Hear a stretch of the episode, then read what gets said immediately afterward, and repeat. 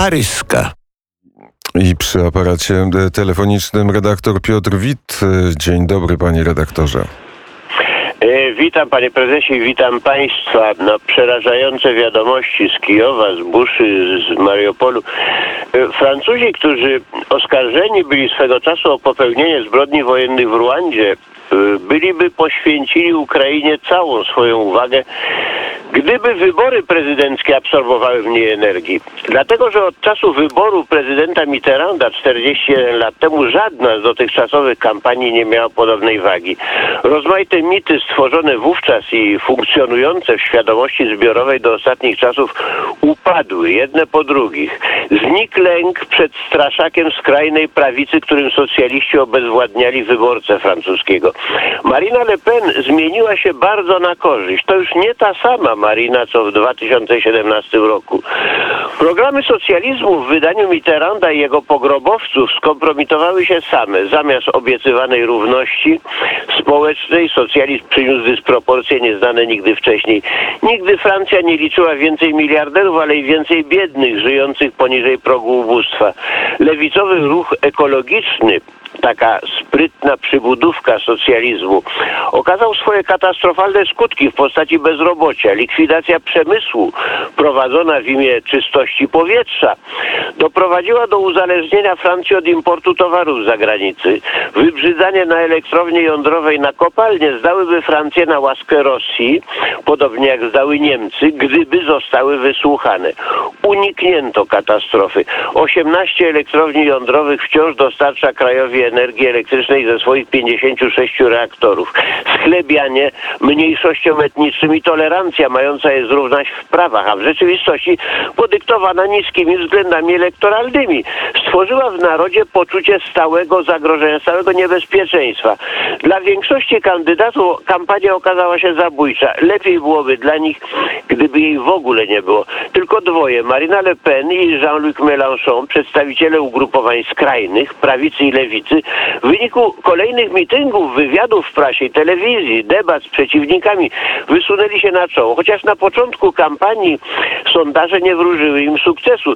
Prowadzi nadal Emmanuel Macron 27,5%, choć tamci dwoje depczą mu po piętach 22 i 15,5%. Dziś jego zwycięstwo, zwycięstwo Macrona nie jest już całkiem pewne. Może przegrać, gdyż za dużo grał szczepionkami i Ukrainą. Nie ma nic do zaproponowania oprócz siebie samego. Tymczasem Francuzi zmęczeni są socjalizmem i jego pochodnymi.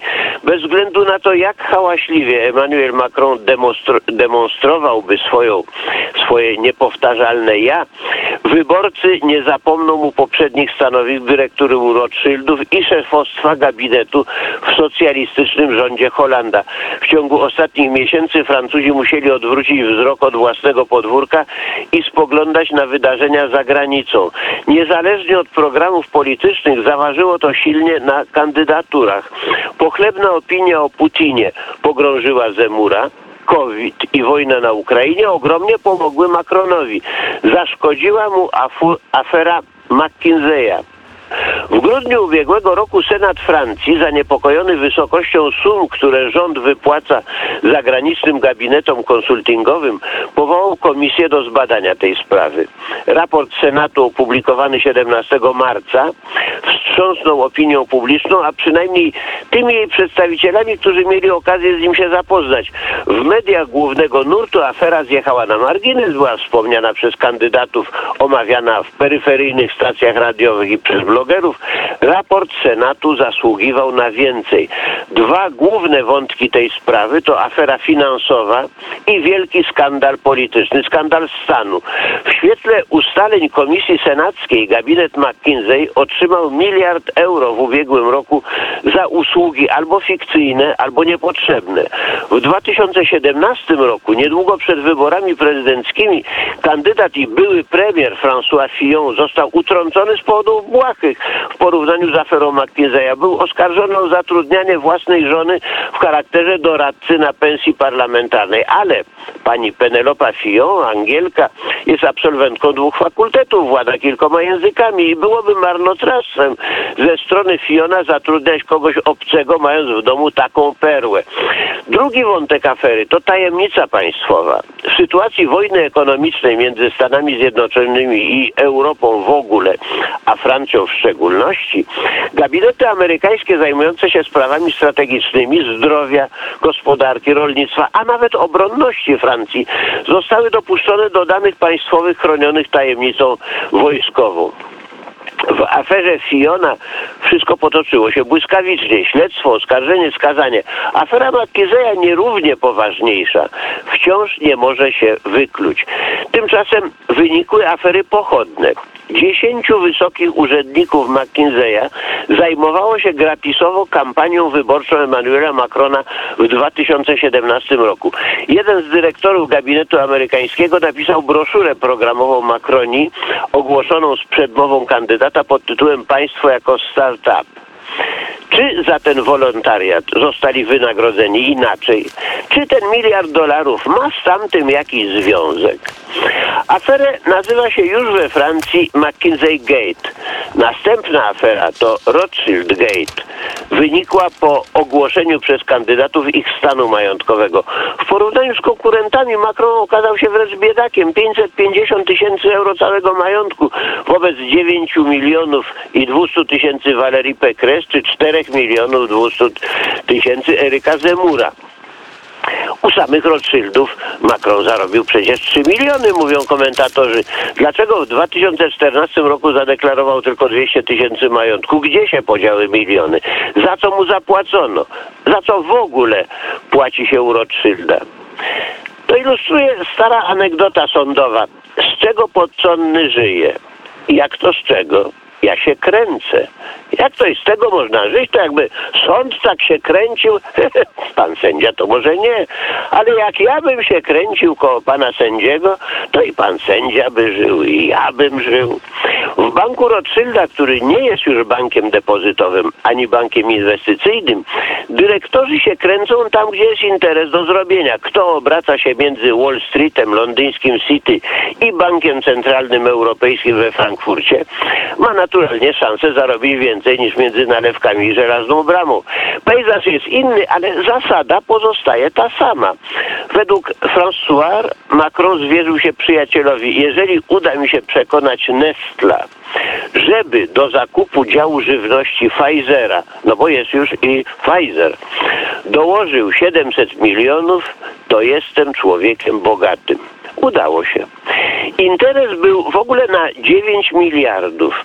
Dyrektor, obecny kandydat, otrzymał swoją prowizję. Gdzie są pieniądze? Otóż dyrektorzy Rothschilda korzystają z przywileju fiskalnego. Część dochodów wpłaca się im we Francji, inną 80% na konto zagraniczne. Dlaczego nie na wyspach anglonormandzkich, czyli w raju podatkowym, jako że Rothschild jest bankiem franko-brytyjskim. O aferze McKinsey'a mówiłem w kronice paryskiej rok temu.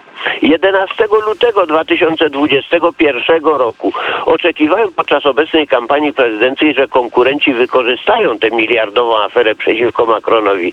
Za ukrycie przed fiskiem części majątku grozi kara trzech lat więzienia, grzywna i pozbawienie prawa wyboru i sprawowania funkcji publicznej przez 10 lat. Dlaczego nikt tego nie wykorzystał? Część odpowiedzi może dać przypomnienie, że sprawy pilnują lobbyści McKinsey'a, którzy, który w 65 krajach zatrudnia 30 tysięcy pracowników, a jego obroty, obroty roczne we Francji wynoszą 330 milionów euro i od 10 lat nie zapłacił we Francji ani centima podatków. No i że to nie ma żadnego wpływu na niedzielne wybory.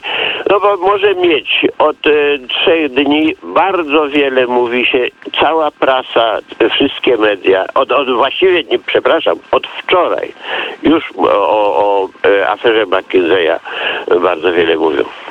a Marie Le Pen e, rośnie e, poparcie. E, by- Gdyby wygrała wybory prezydenckie, wtedy e, nie tylko by dzwoniła do prezydenta Putina, ale może by pojechała, bo na Kremlu e, przecież jest e, pięknie.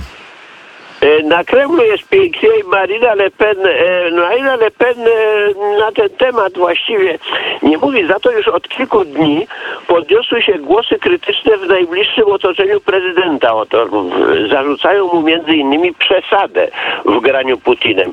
30 marca pod jego nieobecność na zebraniu w siedzibie partii w marszu, to jest przy ulicy Roche w ósmej dzielnicy Paryża.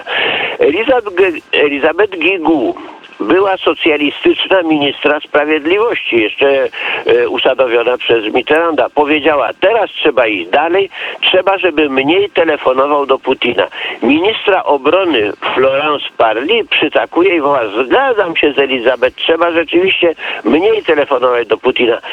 E, No, to jest taka niedyskrecja, którą przyniósł wczorajszy kanał Anseny, e, dobrze poinformowany, e, dobrze poinformowany zwykle przez samych zainteresowanych, bo prawdopodobnie to ktoś z tego ścisłego otoczenia prezydenta Macrona udał do mm, e, Mac, e, Marina Le Pen właśnie, ja mówię, że bardzo się zmieniła. Z tej mm, rozhisteryzowanej e, kobiety zrobił się skromny, bardzo rzeczowy, e, bardzo dobrze przygotowany polityk. Rzeczywiście na wszystkie pytania zadawane jej, a przecież jesteśmy w tym okresie przedwyborczym, więc te e, w- wywiady się mnożą, e, wywiady telewizyjne, wywiady radiowe, prasowe.